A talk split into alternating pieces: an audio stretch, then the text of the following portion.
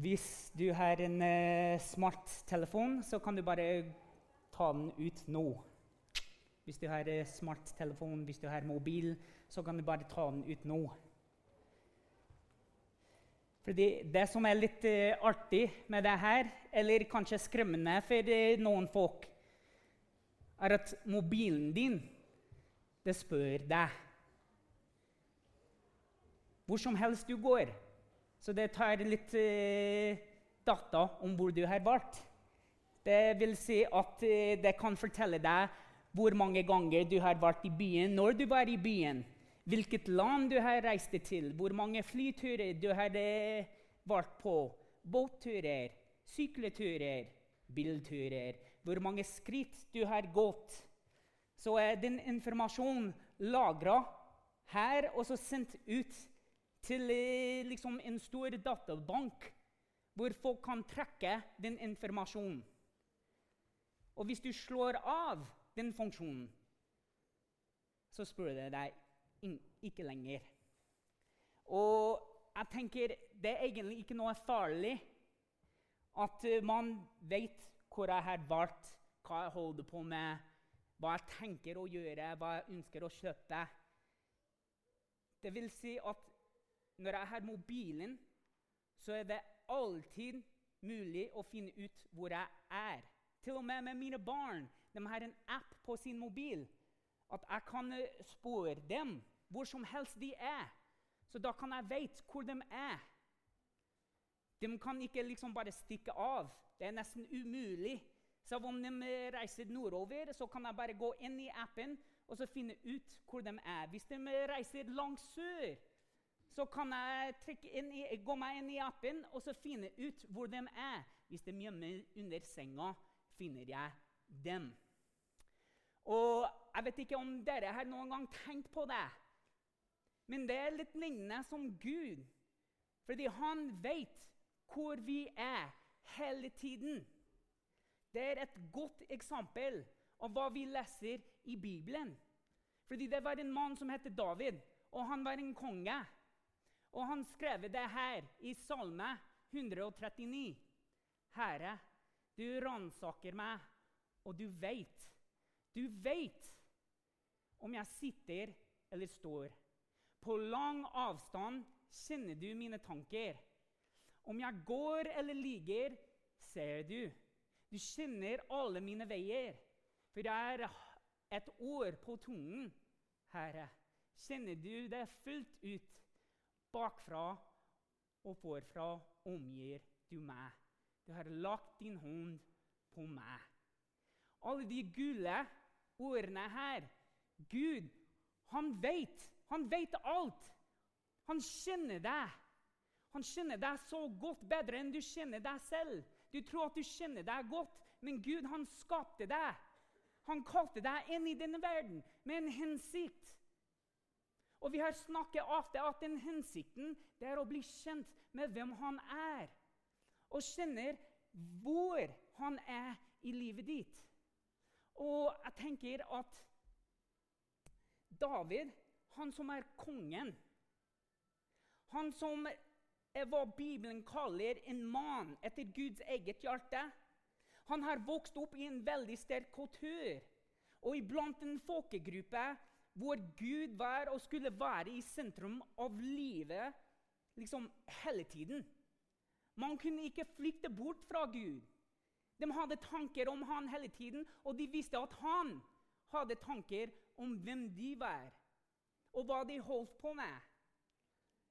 Og Derfor sier han til slutt av vers 6, eller i starten av vers 6, det er et under jeg ikke forstår. Vi kan ikke forstå hvordan Gud tenker på oss. Vi kan lese om det i Bibelen, og vi kan ta imot det og vi kan begynne å leve ut fra det, men likevel er det et under for oss at vi ikke kan forstå det. Det er så høyt at jeg ikke kan fatte det. Og Grunnen at jeg tror at David skriver det her, er fordi David han kjenner seg veldig godt. Han kjenner at han er ikke en perfekt mann. Han er ikke den perfekte kongen. Han er ikke den perfekte sønnen. Han er ikke den perfekte vennen. Han er ikke den perfekte ektemannen i det hele tatt. Han har vært utro når han skriver det her. Så han kjenner seg så godt, men likevel vet han at Gud er så glad i han, at Gud er alltid nær. At Gud vet hva han holder på med. Gud vet hans tanker. Gud vet hans veier.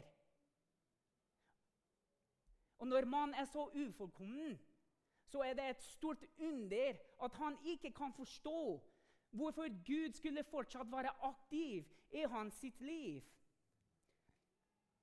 Og David han kjenner seg bedre enn noen andre. Og kanskje du kjenner du deg i det. Kanskje når du leser det her, du tenker Gud, hvordan kan du elske en person som meg? Med de tankene jeg har, med det livet jeg lever. Jeg kan være litt uforplikta noen ganger. Jeg kan trekke meg bort fra deg. Fordi det er det som vanligvis skjer. ikke sant? At når Gud er ikke til stede, eller vi mener at han er ikke til stede, så kan vi begynne å trekke oss bort. Vi sang en sang nå. Så om vi ikke kjenner det, så gjør du noe. Så om jeg ikke føler det inni meg, så gjør du noe. Og Det er akkurat det David beskriver her. Og Hvis du ikke kjenner deg i det, så kan du bare gjøre sånn til naboen din og si at Sean, jeg tror han eh, gir et ord for deg i dag. Men dette er et så viktig budskap. Fordi samtidig alt David vet om Gud Som om alt han kjenner inderlig og ytterlig i livet sitt Han har hørt det her siden han var en liten gutt, at Gud elsker deg. Gud er alltid til stede. Som om du ikke merker det, som om du ikke ser det. Som om han ikke snakker til deg akkurat nå, så er han alltid til stede. Det er liksom et veldig sentralt budskap i livene av alle judene som bodde da og som nå. Og det er der vi får vår tro fra. Jødene som trodde på Gud, og så ga det videre, og så kom Jesus. Og så begynte troen vår å utvikle til det vi opplever, og det vi tror på i dag. Så alt vi har hørt om Gud, kanskje ikke bare fra når vi leser i Bibelen, for kanskje du har vokst opp med Bibelen. Kanskje du har lest at Gud er alltid til stede. Kanskje du kjenner hvem Gud er. Kanskje du har eh, ba, og Gud har svart på bønnene dine. Kanskje du har ikke vokst opp i kristent hjem, men likevel har du hørt her i kirka og fra andre mennesker at Gud finnes alltid til stede. At Gud er glad i deg, Gud ønsker å tilgi deg. Gud ønsker å eh, liksom gi, gi sin nåde til deg. Høres det kjent ut? Kanskje noen av oss vokste opp som jeg sa, som David. Kanskje dere vet at Guds ord er en anker for livet ditt. En anker som du kan feste alle dine håper og drømmer på. Og fordi David han kjenner seg som en ikke perfekt konge lurer han på hvordan Gud kan være aktiv i livet hans. Kan jeg være ærlig med dere? Jeg er ikke den perfekte pastor. Jeg har ulemper. Jeg er ikke den perfekte sønnen. Hvis du spør mora mi, hun kan eh, bekrefte det. Jeg er ikke den perfekte ektemannen. Jeg er ikke den perfekte vennen heller. Jeg sliter med noen ting i livet mitt, akkurat som David. Akkurat som dere. Bare fordi jeg står her som pastor og leder av en menighet, betyr ikke at jeg er perfekt. Det betyr at jeg søker Gud med hele livet mitt. Det betyr at jeg ønsker at Gud skal komme inn og gjøre noe som jeg ikke kan gjøre selv. Og da begynner vi å snakke om kraften av Den hellige ånd. Det som Gud utgitt når Jesus døde på korset. Og Jesus kom til disiplene og så sa at 'jeg skal gi dere en talsmann, en hjelper'. Noen skal hjelpe dere til å gjøre det som dere ikke kan gjøre selv. Jeg trenger noen større enn meg selv til å få til å bli til den personen som i hodet mitt jeg vet at jeg kan bli til, og i hjertet mitt jeg ønsker å bli. Gud han er aktiv i det livet av mennesker som søker ham. Det er ikke Guds ansvar å søke deg. Gud sendte opp et stort røyksignal med Jesus at Hei, alle sammen. Jeg søker dere nå. I den mannen som heter Jesus. Og når du har muligheten til å bli kjent med han, så skulle du ta den muligheten. Du skulle ta imot det året som er Jesus inn i livet ditt, og begynne å leve etter det han sier. Og hvis du får litt tvil av og til, eller stor tvil noen ganger, så åpne opp mitt ord og begynne å lese om alle de andre som opplevde akkurat det samme. Jeg er alltid nær. I året mitt, når du kommer til meg i bønn, når du møter andre mennesker, så er jeg alltid i deres nærhet. Og det Gud ber oss å gjøre i alt det der Fordi han er på banen hele tiden og venter på at vi skal stole på han. At vi skal være utholdende og trofast. Og det er så lett å si det når livet liksom sommerfugler og bare blomster. Når livet er greit, så takker vi og priser vi Gud og sier ja, Gud er alltid nær, Gud finnes, jeg elsker Han. Livet, wow, det er en kjempefest.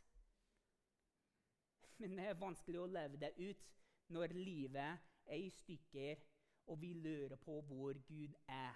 At han har bare gått helt stille. Eller har han det? Har han forlatt deg?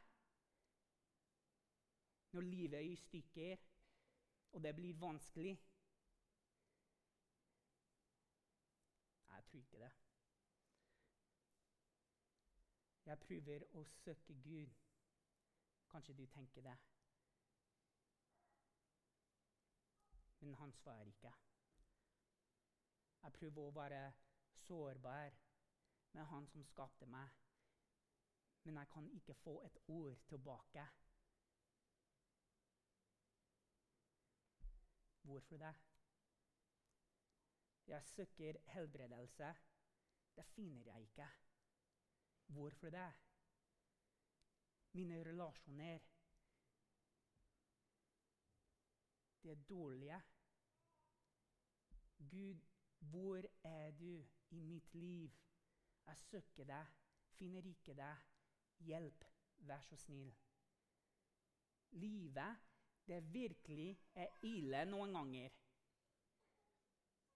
Det suger. Jeg må være ærlig nå.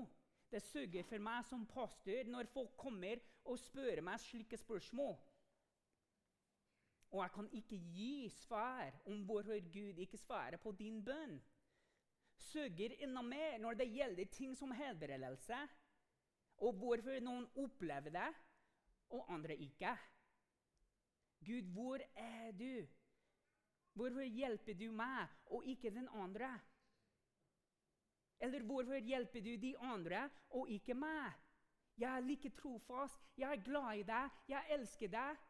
Jeg har overgitt hele livet mitt til deg. Hvor er du? Hvorfor svikter du meg? Men jeg tror det finnes trøst i Jesu ord. Fordi vi er ikke alene i det her.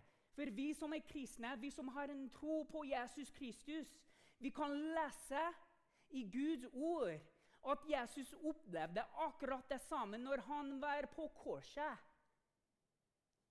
Han sier 'ikke min vilje', men din vilje, Gud. Jesus ber Gud fortsatt å være aktiv i livet sitt, til og med i de siste timene av livet hans. Han spør Gud, han sin far, han skulle ta vær på han hele livet. Hvorfor har du sviktet meg? Kjenner vi oss i det? Hvorfor har du sviktet meg, Gud? Hvor er du? Det gjør vondt i livet mitt nå. Jeg har behov for noen som skal stille opp og forsvare meg, beskytte meg fra alt det her. Hvor er du? Du svikter meg. David sier det slikt. Ransak hjertet mitt. Søk hjertet mitt. Det er det Jesus sier. Ikke din vilje, ikke min vilje, men din vilje. Søk hjertet mitt. Oppdage hva det er i livet mitt. Og lise frem hvordan jeg har det. Slik at jeg kan overgi det til deg. Så om jeg ikke forstår det, så kan jeg komme til deg, Gud. Så kan jeg hvile i ditt nærvær. Så om jeg ikke kjenner det, så om jeg ikke følger det, så vet jeg at jeg er i ditt nærvær. Vi må søke det. Det er ikke en tilfeldighet at Gud bare er der. Han er det. Men om vi ønsker å kjenne det, om vi ønsker å oppleve det, da må vi søke det. Ja, men Gud han må bare liksom gjøre noe stort for å bekrefte at han er der. Må han det? Må jeg gjøre store ting hver eneste dag for å vise mine barn at jeg er glad i dem? Må jeg gjøre store ting hver eneste dag for å bekrefte for mine barn at jeg elsker dem, og at jeg er til stede? Nei. Vet du hvorfor det? Fordi det er de som søker kontakt med meg. Det er de som springer og løper til meg når jeg er i nærheten og sier, 'Pappa, pappa, vet du hva? La meg fortelle deg om dagen min. La meg fortelle deg hva skjer. La meg fortelle deg mine behov.' Burde det være noe annerledes når vi tilhører en Gud som er vår himmelske pappa? Nei. Vi søker Han akkurat som de andre søker oss. Det er vårt ansvar å gjøre det. Uansett hva vi opplever i dette livet, og jeg tenker særlig på oss som kristne folk, som tror på Jesus Kristus og tror på oppstandelsen. Og Kanskje det kan bli en uundring for folk som vurderer Jesu budskap. Og det er at Gud har gitt oss en redningsmann i Jesus Kristus. Han har gitt oss et fellesskap i vår lokale menighet. Og så ga han oss Den hellige ånd, som bærer oss, veileder oss og styrker oss i alle livssituasjoner og omstendigheter. Ja, men du, du vet ikke hvordan jeg har det i livet. Det er kanskje sant. Kanskje jeg vet ikke akkurat hvor du har det i livet. Men det er enda bedre grunn for at du søker Gud, fordi han vet hvordan du har det i livet. Og hvis du ønsker svar, hvis du ønsker fred, hvis du ønsker noe som Gud kan gi oss, så bør du søke Han, fordi det er bare i Han at du finner slike ting. Jeg husker veldig godt når jeg var en 21-åring, nettopp ble frelst. Og Jeg vet ikke om jeg har fortalt uh, den historien før, men det er veldig nær hjertet mitt. Og husker at det var uh, jul, første juledagen i huset mitt. og Da har uh, faren min stakk av. Han var ikke der lenger. Vi har pakket opp gavene og sånne ting. og Jeg så litt rundt, og mora mi hun var ikke der. Og det var litt rart, fordi hun er alltid til stede på første juledagen og sammen med sine barn og kose dem og ser hvordan vi har det når vi pakker opp og sånne ting, fordi hun er så glad at vi blir glad. Så jeg ga det noen minutter, og hun var fortsatt ikke der sammen med oss. Så spurte jeg søstera mi vet du hvor uh, mamma er. Så sa hun uh, jeg tror hun er gått uh, opp på rommet hennes, og det var på andre etasjen. Så gikk jeg opp trappa, og så uh, står jeg litt utenfor døra hennes for der hørte jeg at hun gråt.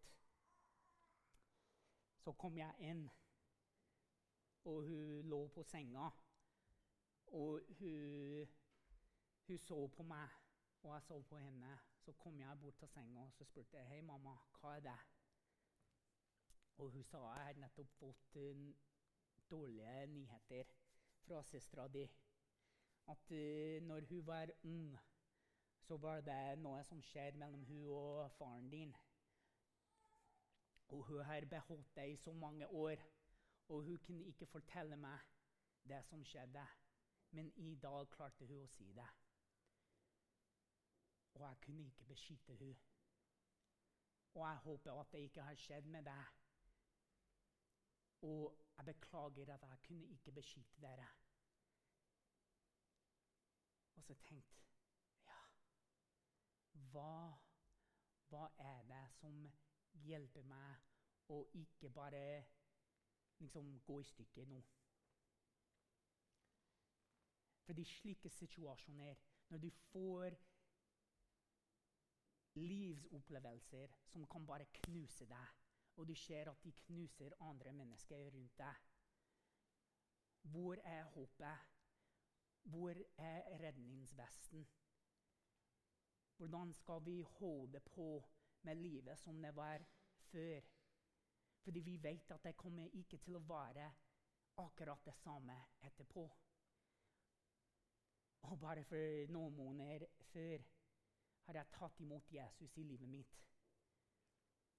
Og akkurat i det øyeblikket husker jeg det er så godt å vite at jeg har en fullkommen pappa som elsker meg, som ikke som noen andre jeg kjenner. Som kan redde meg fra det som jeg har tenkt å gjøre. Og føre meg til et liv hvor jeg vet at jeg kan stole på han, uansett om jeg kan se han med mine øyne. Uansett om jeg kjenner han hver eneste dag nærvær. Om jeg vet at han er til stede eller ikke.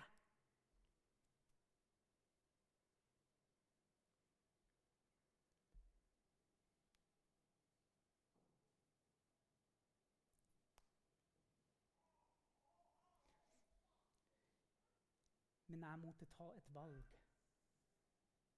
Et valg å søke Gud. Fordi jeg visste at han har allerede søkt meg.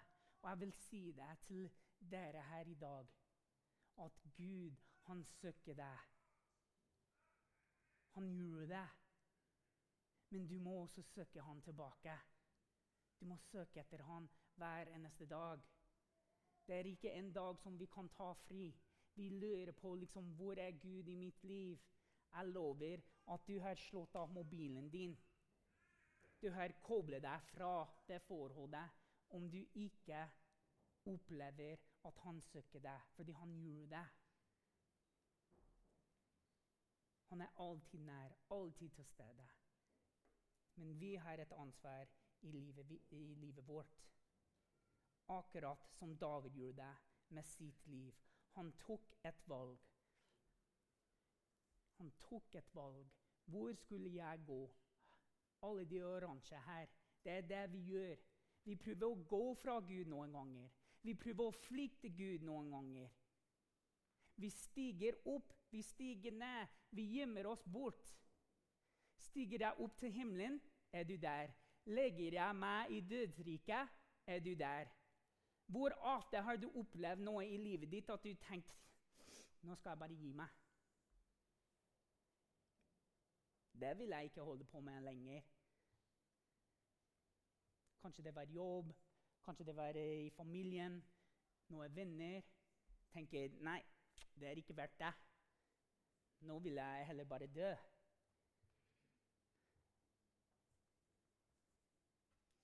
tar jeg soloppgangens vinger og slår meg ned der havet ender.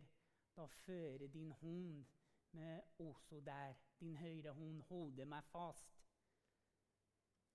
Jeg kan si 'la mørket skjule meg, og lyset omkring meg bli natt'.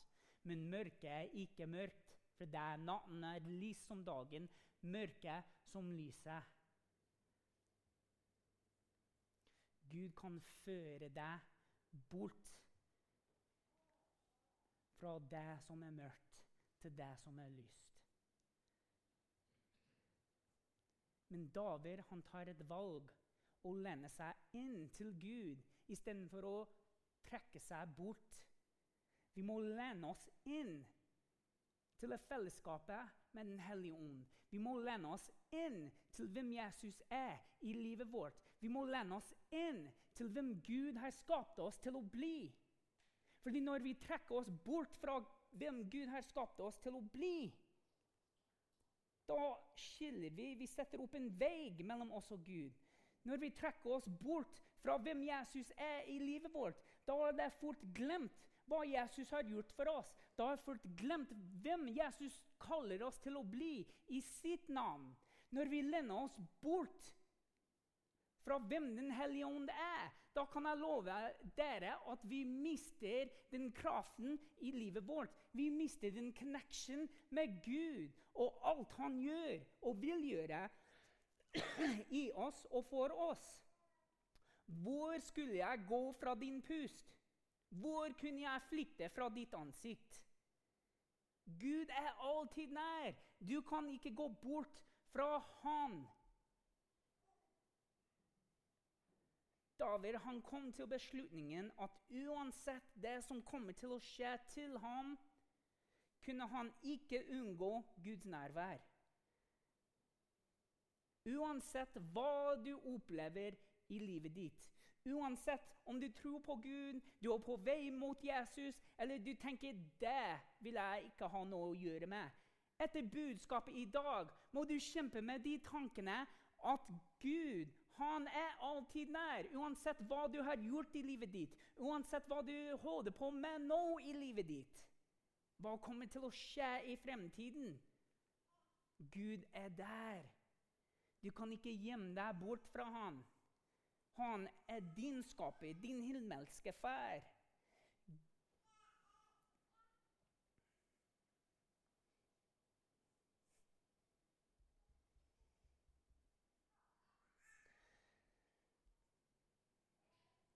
Jeg tror det er ikke noe hemmelighet at uh, i vår familie så uh,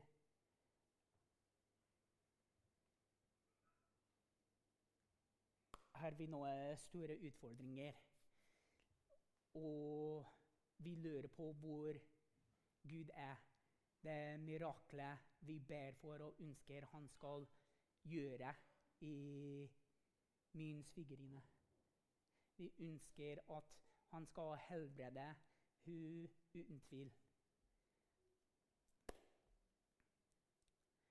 Men vi også stoler på at i den situasjonen hun står i nå, så jobber han i hun og gjennom hun for å trekke folk mot Gud som er kanskje i en liten situasjon, eller kanskje i en verre situasjon.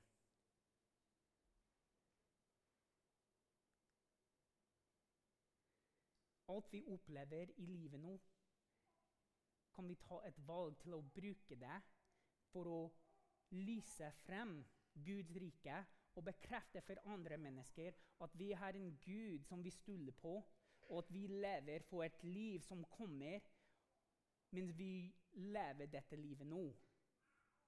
Hvis dere er med. Og Gud, han, han trøster oss i vårt nød. Han trøster deg i ditt nød, akkurat hvor du er. Gud er alltid nok.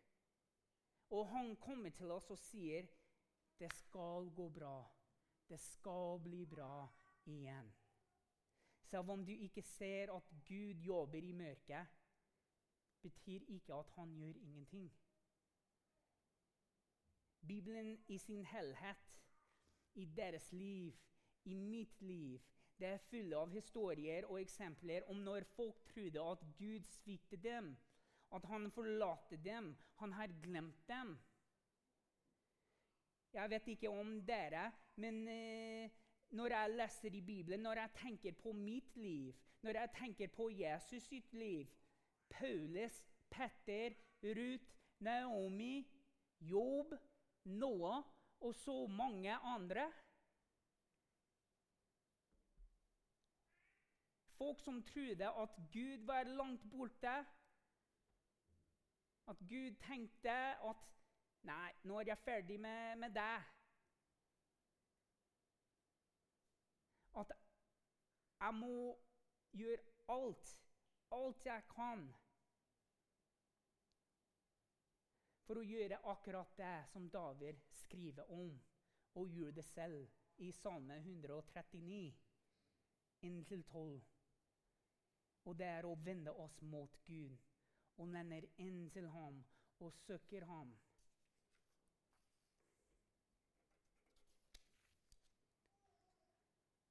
Jeg vet ikke hva dere står midt i nå. Om det er noen vanskelige situasjoner, eller om det budskapet her var ikke helt for deg.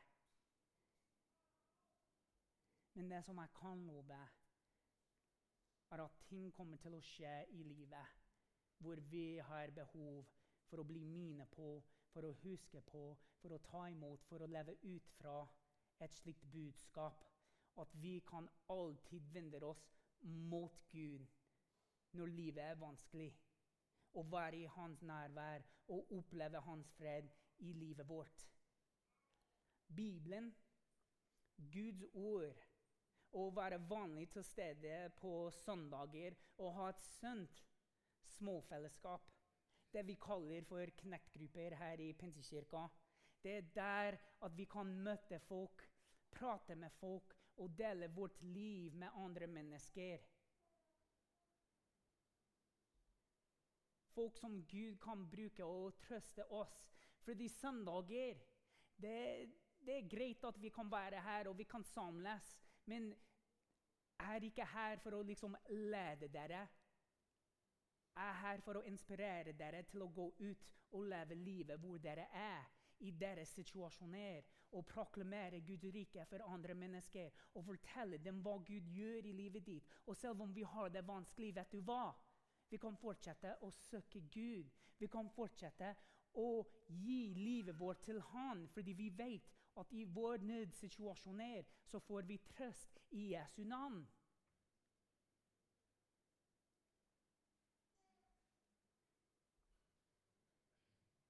Det er en vakker ting å se hvordan mora mi, som opplevde eh, den dagen jeg snakker om, eh, hvor, og hvor hun er i livet hennes nå. Fordi hun stoler helt på Gud. Og jeg mener at når hun har hørt det, så var det bare Gud som redde hun fra å skli av banen og gå en helt annen direksjon.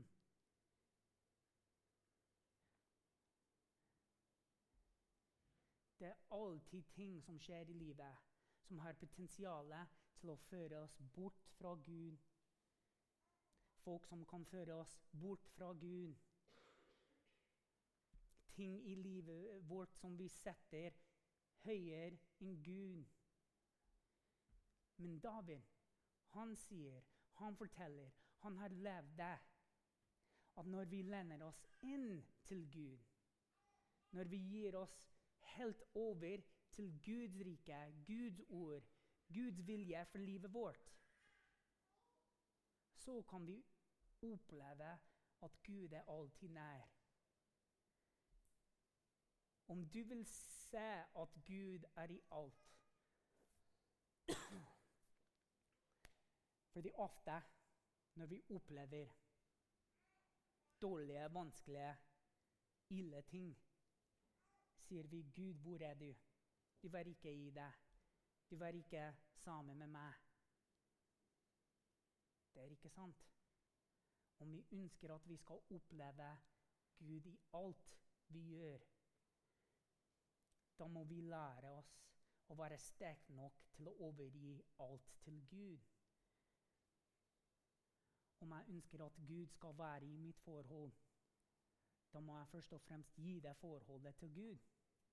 Om jeg ønsker at Gud skal være i min økonomi, da må jeg først og fremst gi det til Gud. Hvis jeg ønsker at Gud skal bruke den menigheten, Gud skal bruke meg for å hjelpe andre mennesker, da må jeg først og fremst be at Gud skal få lov til å være høyest prioritert i denne menigheten. Da må han først og fremst bli først i mitt liv. Der vi ønsker å se at Gud jobber, da må vi først og fremst gi det til ham. La oss lese fra vers 1 til 12. Herre, du ransaker meg, og du veit. Du veit om jeg sitter eller står. På lang avstand kjenner du mine tanker. Om jeg går eller ligger, ser du det. Du kjenner alle mine veier. For jeg har et ord på tungen, Herre. Kjenner du deg fullt ut? Bakfra og forfra omgir du meg. Du har lagt din hånd på meg. Det er et under jeg ikke forstår. Det er så høyt at jeg ikke kan fatte det.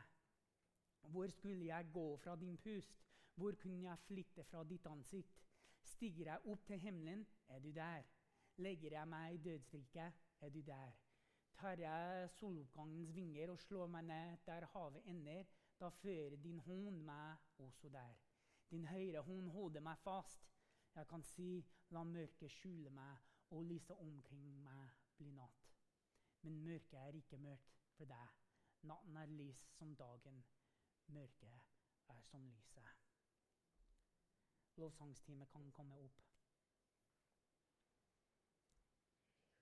Og jeg, jeg vil at alle skal uh, opp og stå. Vær så snill.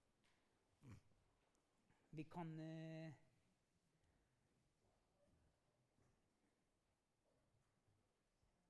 Vi kan bøye vårt hode, lukke øynene.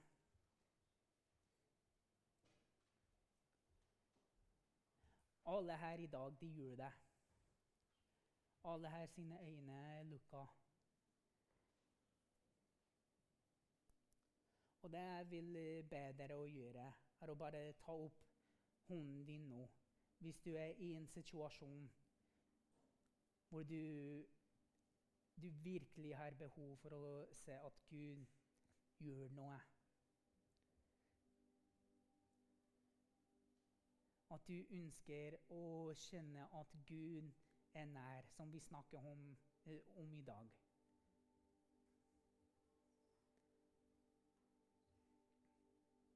Ja, er en av de personene. Vi er en familie her. Når vi tar opp hånden det er at vi ønsker å være ærlige med Gud. Det er ikke bare noe som skjer i hjertet, men her er en bekreftelse for oss at Gud er overgi den situasjonen til deg.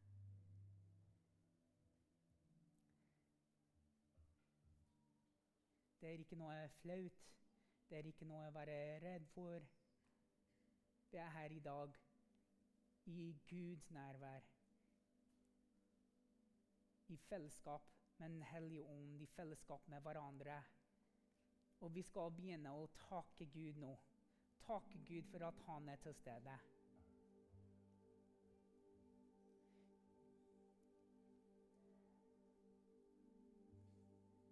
Kom igjen, folkens. Vi kan begynne å løfte opp stemmen nå til Gud og takke Han. Gud, vi takker deg. Vi takker deg for at du er nær. Takker deg for at du er i livet vårt. Takker deg for at du fins. Gud, takker deg for at du elsker en mann som meg. Takker deg for at du elsker min familie. Gud, jeg takker deg for at du er en del av den situasjonen jeg står midt i nå. Takker deg, Gud. Kom igjen, folkens. Kom igjen. Takker deg, Jesus. Takker deg. Takker deg, Jesus, for at du døde på korset. Takke deg for at du sto opp for å gi oss et håp. Takke deg, Gud.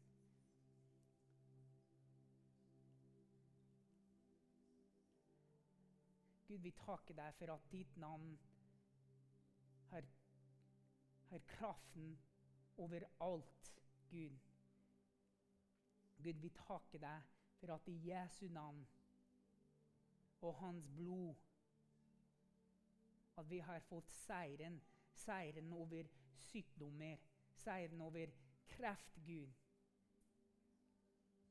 Vi ber for folk nå som har opplevd det i sitt liv, Gud. Vi ber at du kan helbrede dem. Gud, at du fører dem mot lyset. At din vilje skal skje, Gud.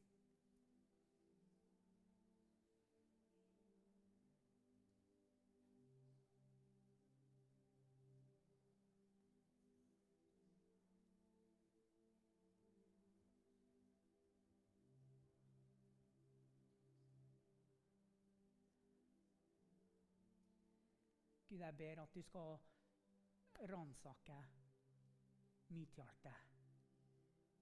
La oss begynne å be Gud å ransake vårt hjerte. Søk mitt hjerte, Gud. Søk mitt hjerte. Opplyse. Opplyse hva det er som jeg kan overgi til deg, Gud. Om det er fred, begynne å proklamere fred i livet ditt. Deklarere at Gud har gitt deg det at du finner fred i Jesu navn. Om det er tilgivelse, det har du fått i Jesu navn. Nåde, Gud. Takke deg for at din nåde Vi proklamerer at din nåde skal prege livet vårt. Kanskje det er gjenopprettelse. Gud, vi takker deg for at du kan ordne opp i våre relasjoner, at du kan ordne opp i vår familie, at du kan ordne opp i vårt eget liv. Din kraft, Jesus, det kommer i Den hellige ånd.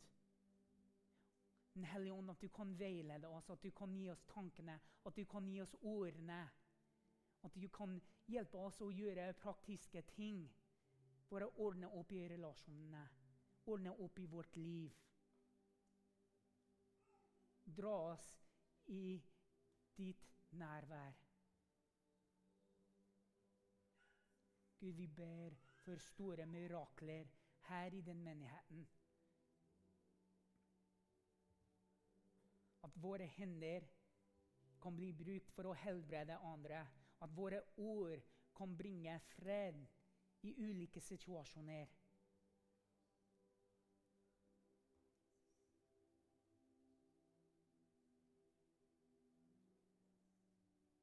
Gud, la ditt ord få plass i vårt liv. Jesus, du har lovet at vi skal gjøre store ting enn det du har gjort. La det begynne å skje. La oss gå i dine fotspor. La oss være lys og salt og kjærlighet.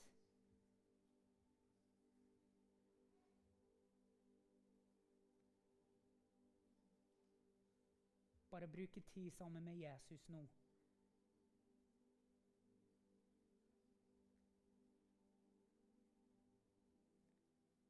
Han er alltid nær. Han er med deg nå. Han bærer deg. Han løfter deg opp. Han ber at du skal lende inn til han nå. Takke deg, Gud, for at du er vår himmelske pappa. Hver eneste person som stoler på navnet Jesus, som er her i dag. Du har fått muligheten til å be for andre. Du har fått muligheten, du har eh, fått kallet til å leve ditt liv for andre mennesker. Til å være en god venn, en god bror, en god søster. Det vi skal gjøre nå, er at vi skal se til den som er til venstre, den som er til høyre. Og vi skal bare si at Gud er glad i deg. Gud er glad i dere. Gud elsker dere. Gud ønsker et forhold med dere. Guds nåde, Guds kjærlighet, Guds fred over alle som er her i dag. Dere er hans menighet. Dere er hans folk, hans barn. Bli med i hans nærvær. Han er alltid nær. La oss prise hans navn. Amen.